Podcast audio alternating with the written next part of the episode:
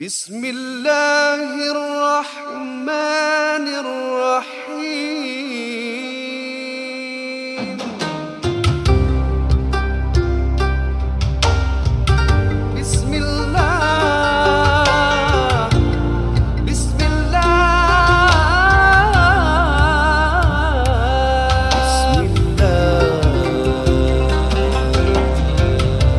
Assalamualaikum warahmatullahi wabarakatuh. Alhamdulillah. Waalaikumsalam warahmatullahi wabarakatuh. Ah, Wassalatu wassalamu ala asyrafil anbiya wal mursalin wa ala alihi wa sahbihi ajma'in.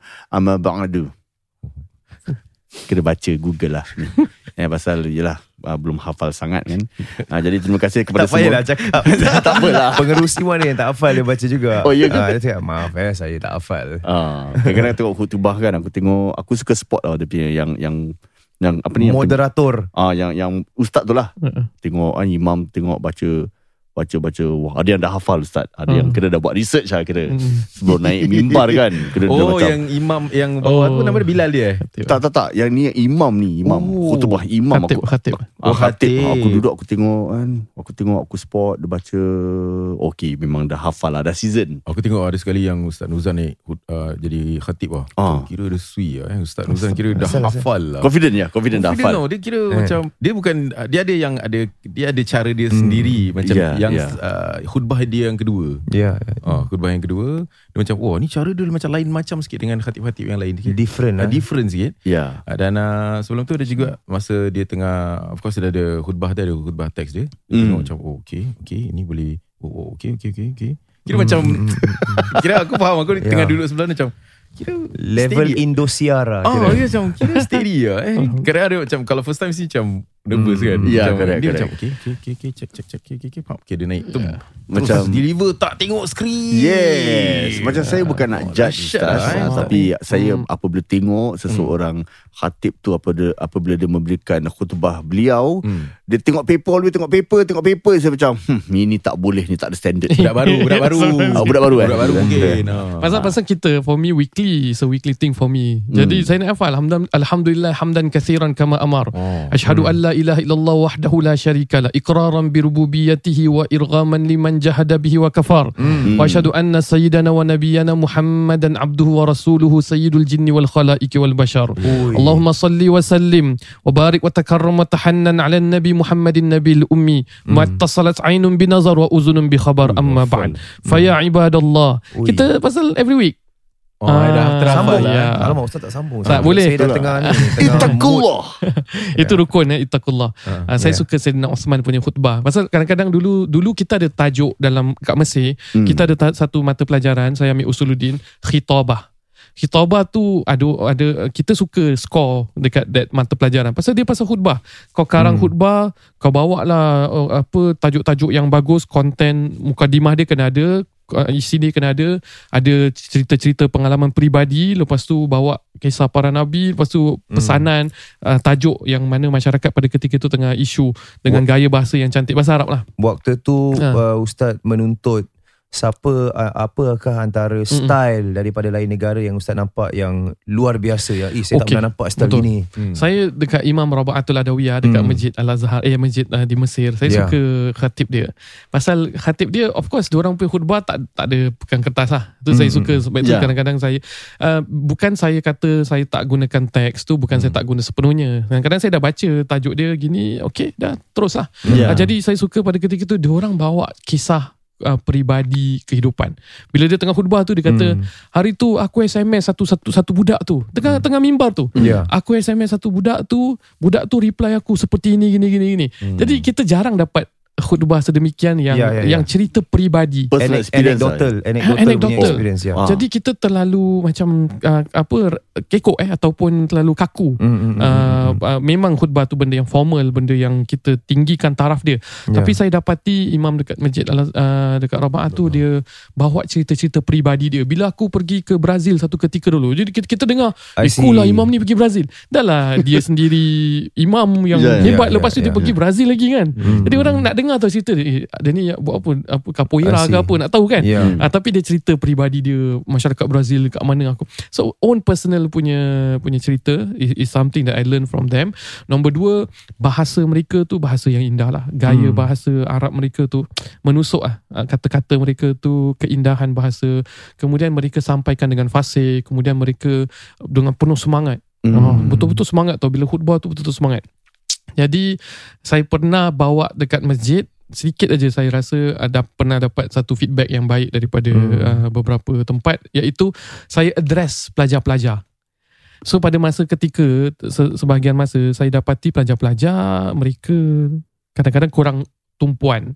Sekolah Hmm. hantar untuk pergi solat Jumaat tapi Ya. tajuk tak begitu relevan bagi Ya. diri mereka.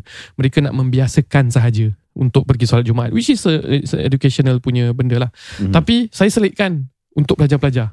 Hmm. Bagi mereka yang menduduki PSLE pada petang nanti ataupun Hmm. uh, dan juga O level peperiksaan O level. Kami di sini semua saya cakap kami di semua Oh. sini semua di masjid yang mendengarkan khutbah akan mendoakan kejayaan anda. Belajar untuk apa ke, ke, kejayaan anda. Hormati ayah ibu, minta doa mereka. Balik ini ulang Hmm. kaji, cukupkan rehat. Jadi saya selitkan that in dalam khutbah a few liner. Tapi uh, saya rasa pelajar-pelajar pada ketika itu yang dia nampak kan mereka yang tak tak fokus Hmm. mereka fokus and then saya saya terima DM thank you Ustaz for ni anak saya tadi cakap uh, you address them dekat dalam dalam khutbah so I think more of that uh, bila time permits that's that's good lah to insert dalam khutbah sesuatu yang uh, especially for students ya Hmm. Kita ada soalan Ya, baik, untuk eh uh, kita yang- belum on show Oh belum eh? Hmm, belum pasal Oh, pelajar-pelajar minta ni maaf, Ustaz. maaf. apabila mereka nak pergi sekolah pagi Hmm. tu kan. Mereka nak kena mandi. Tapi kalau orang mandi kalau tak pakai sabun NJ Nazif memang tak lengkap hari mereka lah untuk pergi ke sekolah. Pasal badan dia tak berapa bersih. Eh, Sama-sama lengkap lain ni kita tahu. jugalah. ah yelah yelah. Pakai sabun biasa-biasa. ah, sabun biasa memang boleh lah. Tapi kalau sabun Nazif ni pasal ada kuasa Sab- daun bidara bidara, Ustaz. ya. Ah, jadi dia punya pH level pun baik kan. Jadi Ya. memang wangi lah kan. Saya pun cuba. Saya rasa confident apabila saya keluar rumah. Hmm. Macam saya di ada ada protection di kulit saya tu lah. Ah. Eh, maka dengan itu kepada anda yang sedang mendengar ni jangan lupalah kalau nak buat tempahan satu botol harga 12 dolar 50 sen. Ya. Kalau kita beli lebih daripada 60 dolar penghantaran adalah percuma. Mana ada bisnes yang kasih penghantaran percuma Ustaz? Ya ada. Oh, ada juga. Ada juga. Ada, ada. Ada juga ya. ya. Kau oversell. Jadi kalau nak buat tempahan Kira sell first, clarify later. Kalau salah nanti ya kira. Pasal orang pun boleh macam ah betul juga eh. Oh ada juga ah, mungkin oh tak apalah Razi tak apa. Orang boleh maafkan macam itulah. Okay. Hmm, buat nak buat tempahan www.nju.sg garis miring shop. and now it's on to the show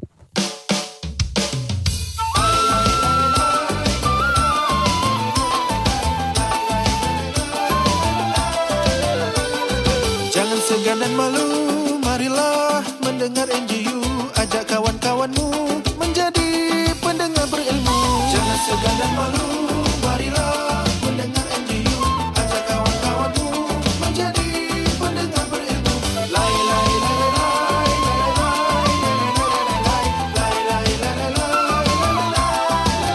lai Mari mendengar NGU Selamat kembali. Masya Eh, Allah. Ah, ingat dah habis. Ah, rupanya ada lagi. Ada, Ah, ada tadi lagi. intro je dah Oh. macam satu episod eh. Yalah, yalah. Ah, saya mulakanlah dengan uh, ini daripada seorang pendengar katanya Assalamualaikum. Waalaikumsalam. Waalaikumsalam. Assalamualaikum Ikhwanun Najwi.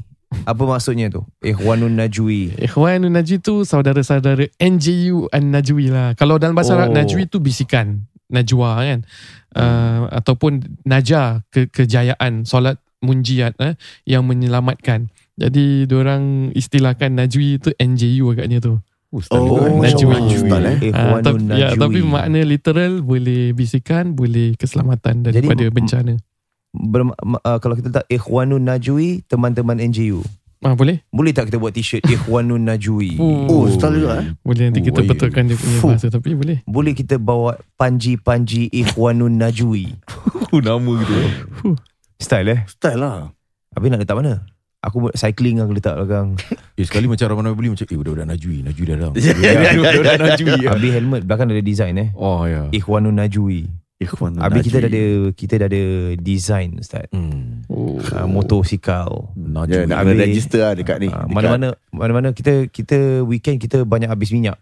Asal? Sebab mana-mana Ustaz Kadi Hmm. Semua Ikhwanul Najwi Kena konvoy Kena konvoy Kacau. Habis mana-mana Ustaz nak masuk kan Kira Budak-budak semua Budak-budak kita semua masuk ramai-ramai Oh. Ikhwanul Najwi lah Yeah. Tapi kita ada kena mengena dengan majlis Hmm. Ah, jalan. Mana masa Ustaz tengah um, Tengah Yalah Assalamualaikum tu, Buat uh, kurban nikah Hmm. Ikhwanul Najwi kira macam dah Hells Angels lah Aku tahu macam Oh, wow. Dah ada Dah ada apa um, Jacket sendiri Ya, ya, ya. Motor besar-besar Eh, Macam, ada eh. satu budak yang goyang nanti. Apa Ikhwanul Muntaqah. Eh tak Eh shout out pada mereka Dah lama Oh, tak ya, jumpa ya. Pada lama tak jumpa. Teman-teman Teman-teman kami ni Ah. Kalau kalau kau bisik dekat telinga Latif, Najwa Latif siapa? Latif. ah. Najwa Latif lah kira. Ya, kira kau tahu hati dia. Apalah. Okay dia tak dia marah Anjir Saya kan Dah relax Jadi dia kata ni Since orang semua nak step anonymous Ah. Saya pun nak jugalah Tapi jangan disebut nama saya Okay. Saya ada soalan Bila anak pertama saya bernama Az-Zubair Mm-mm. Mula-mula dilahirkan Dia sendiri demam dan sakit dan menangis Sehingga ada yang mengatakan Mungkin nama itu tidak sesuai Atau berat untuk beliau Saya namakannya Az-Zubair Sempena nama sahabat dan sepupu Nabi Iaitu Az-Zubair Ibnu Al-Awwam. Dan seorang saudara Bangladeshi Yang saya kenal Kerana sikap beliau yang tawaduk Hmm.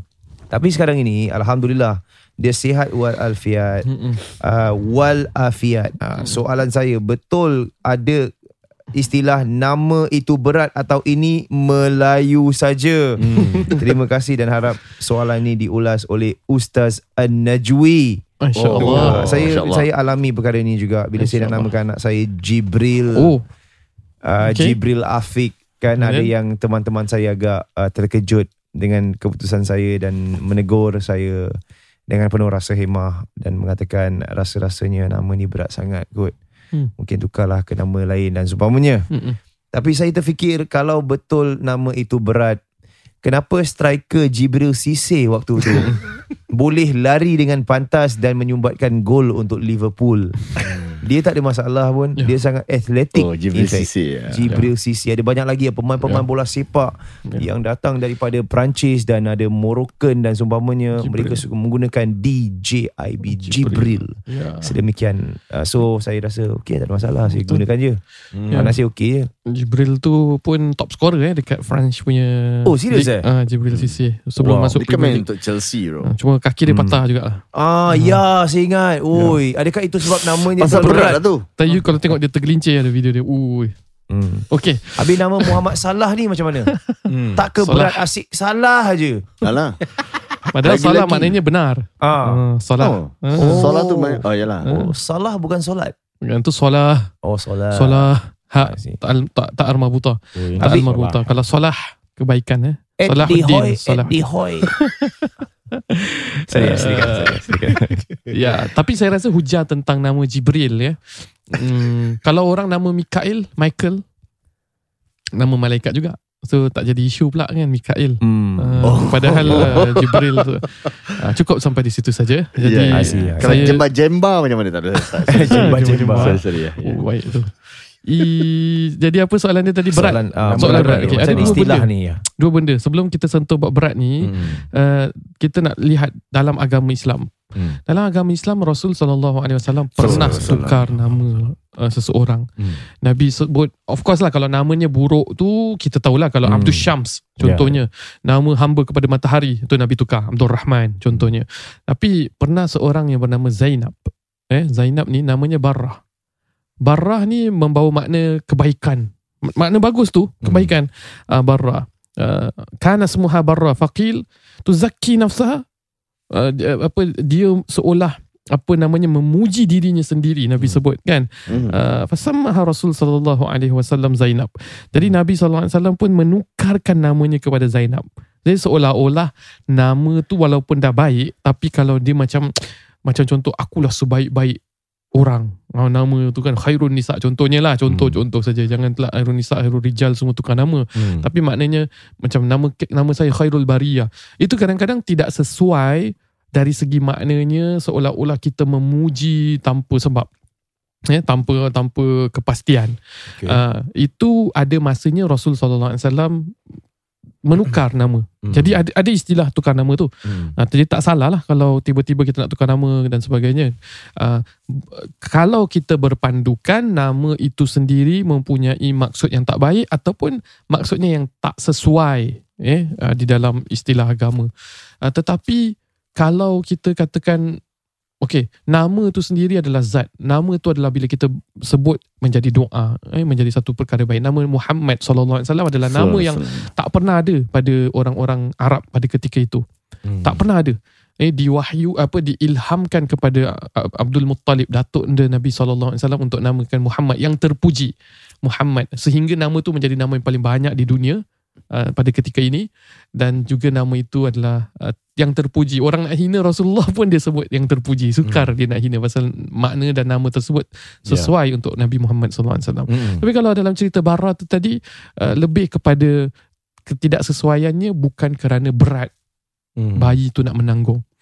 Jadi sebenarnya perkara seperti ini dah pernah dibincangkan oleh uh, oleh ulama eh dekat uh, kalau saya tak silap uh, di Malaysia eh di, Hmm. di di apa di wilayah persekutuan muftinya dulu ketika pernah ada perbincangan katanya tidak ada istilah nama-nama yang berat bagi Oh. seorang bayi tak ada Habis yang budak-budak nangis tu macam mana Ustaz? budak-budak nangis Macam dia cakap sebab- namakan lah. nama Mm-mm. uh, budak tu Hmm. uh, apalah uh. Munawar. Lepas tu budak tu nangis je. Mm-mm. Lepas tu Kolik. Uh, lepas tu dia tukar Apa apa tu kolik? Kolik uh, angin masuk perut. Oh. Lepas tu mak-mak ataupun nenek-nenek ataupun orang lama dia cakap oh ni nama berat ni. Jadi kita tukar nama lepas tu budak tu dah tak nangis lagi. ya Pakai macam minyak kita- yui ya, minyak yui. Eh, tak, tak, tak. Oh, grip eh, grip water Apa grip apa? grip grip water Ya, aku cari word ni. Oh, grip water. Ah, oh ya. lama-lama tapi pakai minyak telon lah Ya, minyak Ah, telon. Ah, minyak tu telon. laku eh. Ya, sampai ya. sekarang kan ada. Dah, Ada ada tapi lah. dah dah face out lah. Oh dah rasa. fisau. Ada tapal tisu kat dahi. Oh ya. ya. Habis lawat. Itu kalau ni lah. Ah? Itu kalau Ya. Apa tu? hikap Hikap hikap. Hikap, hikap. Aku nampak anak aku asal asal ada tisu ni. Oh, rupanya Oh, ada. Petua lah, keluarga petua. isteri aku lah. Ah, macam lah. tu Uh, Apa kita ada. macam Jadi actually dia tak ada kena-kena pun. Macam ada. dia mungkin dia nangis atas dasar benda lain lah. betul Ha. jadi kalau kebetulan eh Oh, kebetulan. tukar nama lepas tu bayi berhenti nangis atau Ahmad Albab pun macam tu betul lah Oh ya. Kan? Kasih nama terus okey. Deng deng deng deng deng deng kan. Terus jangan lebih-lebih, ada. Terbawa-bawa. Eh, kau tahu tak itu apa scene? Apa Tahulah Ahmad Albab lah. Yalah yang ting ting ting ting ting dukung ting. an- Jin tu, dia. eh. Jin tu Ah, tengah lah. Ah. Kau tahu juga. Itu aku tengok lah. Oh, okey okey okey. Jadi itu kebetulan kan kalau dia Ha. taruh nama-nama Albab ah Ya. ke pintu Ahmad pintu terus dia tak nangis Hmm. apa kan. Hmm. Itu kebetulan. Dari sudut agama yang ada boleh tukar nama bila nama tu tak sesuai ataupun namanya uh, barah tadi seolah memuji dirinya sendiri tapi bukan sesuatu yang membebankan atau memberatkan. Uh, Hmm. bagi seorang bayi itu uh, saya menukil daripada mufti wilayah sendiri kata tidak ada Hmm. istilah tersebut dalam agama Islam. Jadi boleh kita kategoriskan sebagai sesuatu yang dimelayukan uh, tapi dia ada sentimen atau roh agama yang menyatakan nama yang tak sesuai tak boleh dinamakan. Uh, tapi Hmm. balik kepada nama Zubair bin Awam tu saya kira Ya. itu nama yang digalakkan dalam agama. Sayyidina Zubair bin Awam minal mubasyirin nabil jannah tak silap saya daripada kategori 10 sahabat yang dijanjikan syurga. Hmm. Hmm. Seperti Sayyidina Abu Bakar, Umar, Osman, Ali dan tentunya kita tak boleh katakan oh ni berat sangat ni nama sahabat Nabi nanti dia tak boleh menanggung perjuangan. Tentu Sayyidina Ya. Zubair bin Awam perjuangan dia hebat eh nak masuk Islam pada ketika itu di Mekah diseksa. Hmm. Dia menyaksikan peperangan, dia bersedekah dan berinfak untuk jalan Allah Ya. dan dia seorang yang dermawan dan orang yang kaya. Uh, tapi kalau gitu kita tak boleh namakan siapa-siapa pun Abu Bakar, Omar, Ali, Osman, uh, apa Talha. Ya. Se- Sedangkan itulah nama-nama yang patut kita look up to Hmm. kerana itulah nama-nama yang orang kata telah membuktikan dalam tinta sejarah mereka berjaya sebagai seorang muslim dan nama-nama apa lagi yang lebih baik kalau bukan orang-orang yang memang berjaya di Hmm. jalan Allah ni. Saya kata, saya rasa tak ada masalah nama-nama yang baik tu. Wallahu a'lam. Okey. Satu lagi kita ada masa untuk satu lagi soalan Hmm. mungkin. Ya, ya Ustaz, Ustaz, sedikit um, ya silakan. soalan yang saya akan ingin uh, ketengahkan ni Hmm. memang dah pernah orang tanya lah. Hmm. Habis? Tapi mungkin untuk mengingatkan yang lain-lain yang baru mendengar NJU lah. Hmm. Uh, Tentang hiasan-hiasan untuk Oh. meletak gambar-gambar syaitan di tip, tak adalah bukan. bukan gambar syaitan lah. Ya. Assalamualaikum NJU. Waalaikumsalam. Waalaikumsalam. ya. Waalaikumsalam. Saya sekeluarga baru berpindah di rumah baru di kawasan Punggol North Shore. Tempat baik Ustaz dia ni ya. Hmm. Uh, siapkan apa uh, ada minyak semua. Buah labu. Ustaz macam mana tu eh? Saya macam mana eh? Apa? Nak ambil hati. Alah, Bawa bodoh je lah ni Orang tua kau ya kan Ah, tu kita ya kan. Macam Ikutkan tadi dia. tu pakai dai tu layan aja. Ya, layan kau itu. nak buat apa kau, Layan kau nak aku berdebat dengan dia Oh, jangan lah. ha, jangan. Habis dah nanti Hmm. hmm. Cik, cik nak hari raya lagi ya Betul. Allah Ya, ya. Saya ingin bertanya dua perkara Ustaz. Yang pertama, meletakkan atau hiaskan seperti ayat-ayat kursi ataupun ayat-ayat dari Al-Quran di dinding rumah. Mm-mm. Adakah ia memberi kita pahala ataupun ia adalah satu salah, perkara yang salah Hmm. atau boleh menjadikan dosa seperti apabila kita baring, kaki kita menghadap ayat-ayat Oh. itu. What is the Hmm. impact or impact X? Bukan saudara. What is the impact or benefit Betul of lah hanging betul betul or display this phrase on our home wall or is there any specific location we can display Ah, okay. hmm, ini yang pertama lah Saya Okay, follow up eh Pertama dulu. soalan tu, ya. Okay, follow up, kita eh. pertama dulu lepas tu kita Hmm. bincang. Apa soalannya adakah ini satu benda yang dapat pahala? Satu benda dapat pahala kalau kita niat uh, melihat ayat-ayat Al-Quranul Karim. Hmm. Kalau Ya, ya. tu adalah ayat yang memang daripada ayat Quranul Karim kan, surah Hmm. Al-Ikhlas. Kita lihat lihat saja dah dapat pahala Al-Quran ni.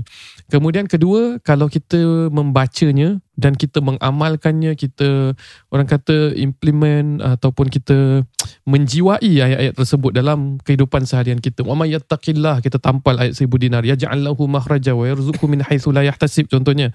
Wa may yatawakkal 'ala Allah fahuwa hasbu. Jadi dia bukan kita letak kemudian rezeki akan datang. Tidak, sebagai Ya. tangkal. Tidak. Tapi benar-benar bertakwa kita akan dapat jalan. Benar-benar bertawakal Allah berikan rezeki yang tidak uh, apa uh, tidak min haitsu la yahtasib. Tidak seperti kita air zam-zam seperti yang sama Mengalir, yang men- mencurah-curah mengalir, lah. yang oh mencurah- seperti panjang kenapa jadi yang mencurah-curah yang tidak disangka-sangkakan lah Ya, yang ya. tasib tidak disangka-sangkakan daripada mana datangnya. Ah, kadang-kadang kan kita rasa gitu eh alamak tiba ada kan? Ah, seperti itu. Tiba. Tiba. Kedua Adakah kita berdosa kalau kita letakkan kaki Saya rasa ini kita pernah cerita Bab kiblat eh yes. Bab kiblat Hmm. kalau kita tidur, kalau kita baring, kita dengan ada niat sengaja untuk mengarahkan kaki kita baru berdosa. Tapi kalau niatnya memang kita baring untuk tidur, apatah lagi kita digalakkan untuk tidur apa sondong ke kanan dengan mengarah kiblat, kebetulan kaki kita kena kepada ayat di di, di dinding, itu tak jadi dosa. Uh, Hmm. tak jadi dosa. Kalau kita sengaja satu penghinaan baru ayat Quran ah ni tapak kaki aku memang layak untuk menunjukkan kau. Ah, itu baru niat penghinaan. lah kira niat Dengan kita niat. lah ya. Ah, dan tentunya jangan diletakkan di tempat-tempat yang di bawah, di dalam tandas eh, Ah, Hmm. di tempat-tempat yang lebih mulia di atas menjadi bukan hanya hiasan tapi menjadi peringatan buat mereka yang melihat dan membacanya.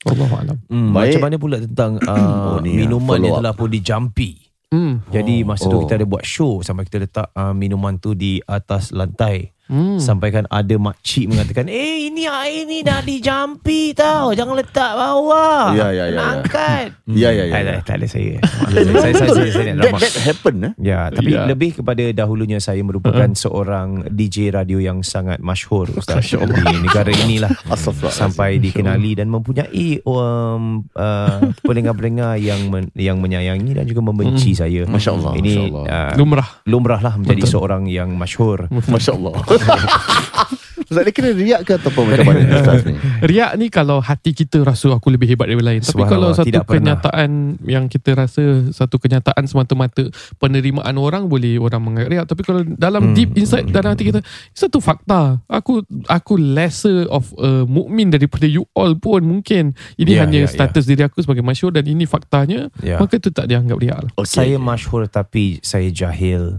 Oh. Dan juga yang lebih masyhur dari saya adalah AB Shake. Tapi uh, saya diberikan saya diberikan banyak hadiah oleh pendengar-pendengar setia saya. Masya Allah Antaranya daripada seorang yang agak berusia, beliau memberikan saya satu t-shirt hitam. Kau dengar lah dulu. Kemudian Beliau kenal siapa peminat saya itu. Okey.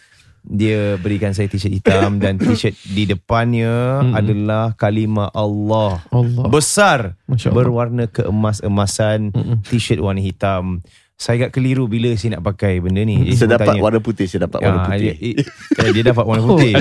dia sendiri sedang menggunakan baju tersebut dan Ya, dia ya. cakap ini gunakan uh, kita mesti mengangkat kalimah Allah Hmm. Sedemikian saya pun tak berani untuk mengatakan lebih lah sebab beliau lebih berusia. Saya, okay. saya menghormati beliau dan menyayangi beliau. Ya betul. Uh, dan kemudian ni dia membuka cerita. Dulu I pakai ni tau. Hmm. I masuk JB dulu. Oh, nyanyi dia sama eh suara jaga. harus harus jaga suara. Oh. Ah, masuk pakai JB ni tau dulu. I jalan pergi shopping. I ditegur. Satu orang pakai kopiah, jubah, tegur. Cakap, kenapa awak pakai baju ni? Baju ni awak tak boleh pakai sembarang ni kalimah Allah. Macam mana nak pergi toilet ni semua? Ya ya. ya. Habis saya cakap dengan dia, apa salah saya gunakan? Saya mengangkat kalimah Allah di badan saya. Hmm. Bukan saya letak kat bawah. Hmm. Lagipun kalau nak masuk toilet ke apa, habis you you hafal al-Quran kan? You hafal habis you pergi toilet, you letak kepala you kat luar. Ha, you letak kepala you kat luar, you masuk toilet. tak kan? Jadi sudah menjadi satu perdebatan. Hmm. Dan kemudiannya itulah beliau berkongsi dengan saya. Jadi saya diam sahaja. saya menerima dan uh, saya pun Diam letaklah sahaja. uh, dalam closet saya. Oh, eh, ya? Mike masih ada. eh. Saya Uh, macam mana ni? Uh, uh, tapi saiz tu adalah saiz S dulu badan saya kecil dan sekarang saya agak besar sikit.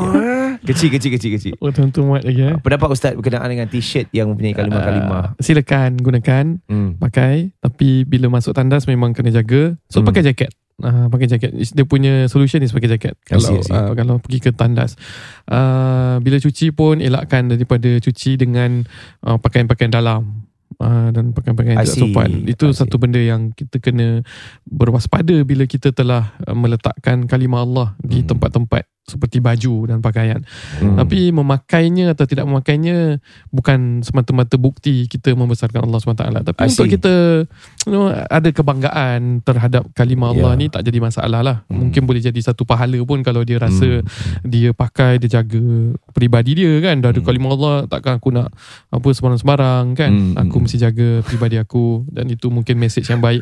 Maka itu boleh kita anggap moga-moga makjur lah diberikan pahala. Tapi jangan lupa it comes with the responsibility untuk jaga daripada masuk tandas dan waktu cucian dan letaknya di mana kerana ada kalimah Allah. Sebenarnya bila Ustaz katakan tentang pakai jaket ni Hmm. Memang aku faham pasal aku dah tanya arwah bapak, bapak aku juga Oh ada. Aku tunjuk pasal baju ni Bapak Habis? aku cakap ini kau jangan bawa masuk tandas Mm-mm. Tapi pak Pak Cik ni cakap Habis kalau kepala kita Kita dah hafal Quran Kita dah hafal surah Takkan kepala nak letak kat luar Hmm, hmm, hmm. So uh, Bapak aku cakap simple je Hmm. Engkau tengok kepala engkau Engkau dah hafal surah tu Baguslah bapak bangga lah.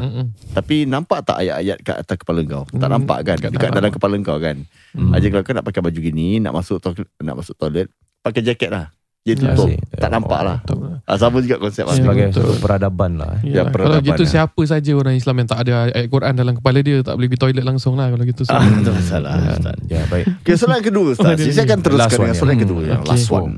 Ramai berkata jikalau ada gangguan di rumah kita. Ini yang uh, soalan terakhir eh. Yang Sebab kalau saya sambung ceramah ni, ha habislah. Uh, Panjang, kita eh? sampai ke pagi nanti. Iya, iya. Tipikal Tipikal kan Aku ingat tak Sampai ke subuh tu. Ah, macam ah, memanglah seronok menjawab seronok-seronok. Ah, tapi tapi saya kena pulang nanti tuan-tuan semua tak pulang nanti. Ah, apa kira macam kira kau pun ada this experience eh. Ada. Aku tengok macam why semua pendakwa ada this joke in them. Then everybody will laugh. Yelah, yelah. Ya. Ya. Ada satu lagi macam uh, bukan masjid ni, masjid lain. Eh, kita, Oh, kita, Ya, ya, ya. bukan kat sini, bukan kat Bukan sini. kat sini. Tuan-tuan Afrika. kasih semua orang-orang baik. Ah, Saya cakap pasal orang lain. Ah. Ya, ya, ya. Ah, Dia kat apa dia dia tuan-tuan boleh saya sambung ni sampai besok pagi ni. Ya, Ah, boleh, ya. boleh, boleh. Ni baru Ah. intro. Lepas ada kalau, kalau jawab boleh. Ah boleh tuan-tuan lah. Boleh sambung saya nak balik. Ya, ya, ya. Ah, Habis macam ah, ah, Tuan-tuan nak saya ah, jawab soalan ni ah, Ini kalau saya jawab sampai ke malam ni ah, Memang tuan-tuan dengar seronok lah Yang tak seronok saya ah, Saya Oh, kena ya, jawab Oh. Okey, betul juga. Kira, oh, kira dah discuss Ada modul lah Ustaz ni benda ni Tak ada. tak ada lah. Saya tak Modul pernah buat joke lah. Ustaz-ustaz. humor masing-masing. Ya, lah. ya. Silakan Al-Razai. Kira sebutan Sebutan paling betul Itulah, itulah. Ramai berkata jikalau ada gangguan di rumah kita, Ya. kita harus rajinkan membaca Quran dan Garam bersolat. kasar Garam kasar Oh. Tetapi Oh, saya betul. solat kan pakai sabun bidara kan ada. Okay Tetapi saya solat tidak sampai lima waktu. Terus Hmm. terang Ustaz ni saya terus terang Ustaz eh. Maafkan Hmm. saya. What I did was I bought this radio from Gilang Serai yang bermainkan surah-surah ruqyah di dalam rumah saya. hmm. Bolehkah ia membantu Ustaz? Oh. uh, dari sudut membantu uh, to a certain level Hmm. ya benar kerana ayat Quran tak kisahlah kita boleh kat gelang ke radio ke YouTube ke Hmm, ayat-ayat ruqyah tu dibacakan tu dah bagus Hmm. tapi secara yang terbaik adalah kita sendiri mengamalkan uh, bacaan ayat Quran dan juga solat dan azan sentiasa di rumah. Mhm. Di samping itu ayat-ayat yang kita bacakan kita fahami maksud-maksudnya khususnya apabila menyatakan tentang kekuasaan Allah Mhm. dalam penciptaan langit bumi juga makhluk-makhluk lain yang ada hasad dengki pada diri kita seperti surah Al-Falaq dan An-Nas Hmm. kisah-kisah bagaimana para nabi kita juga membaca surah ini sebagai uh, syifa dan ruqyah. Jadi Hmm. apabila kita sempurnakan dengan segala-galanya ini barulah saya rasa sangat berkesan. Ibarat kalau kita makan ubat ya, doktor bukan hanya suruh makan ubat saja Hmm, hmm, tapi hmm. untuk jaga kesihatan anda, pemakanan anda, cara pola hidup anda, Usaha tidur lah anda. kira. Jadi secara segala-galanya baru kita katakan uh, moga-moga mendapat penawar dan penyembuhan yang paling ampuh sekali. Adapun sekadar untuk kita beli atau memainkan ada kesan tapi tidak uh, setepat dan tidak mempunyai apa uh, hasil yang Hmm. terbaik. Ya. InsyaAllah. Ni Ustaz kalau, kalau panjang tentang Fir'aun Kira makin panjang soalan eh Terus. Yelah tuan-tuan yang tanya Saya nak kena balik Baik, uh, muslimin muslimat akunu lakum syakiran uh, wal mustami'in. Uh, bi hadha barnamij al JU wa An-Najwi wa najwi. Wa ila liqa. Ma eh belum lagi eh sorry. Uh, sebelum itu sebelum kami nak menutup kami sekali lagi mengingatkan kepada antum semua lah untuk mendapatkan NGU Nazif sabun harian dengan kuasa daun bidara. Ya, sebotol 12 dolar 50 sen. Setiap pembelian 60 dolar ke atas pengantaran adalah percuma. Untuk tambahan lungsuri www.nju.sg garis miring shop.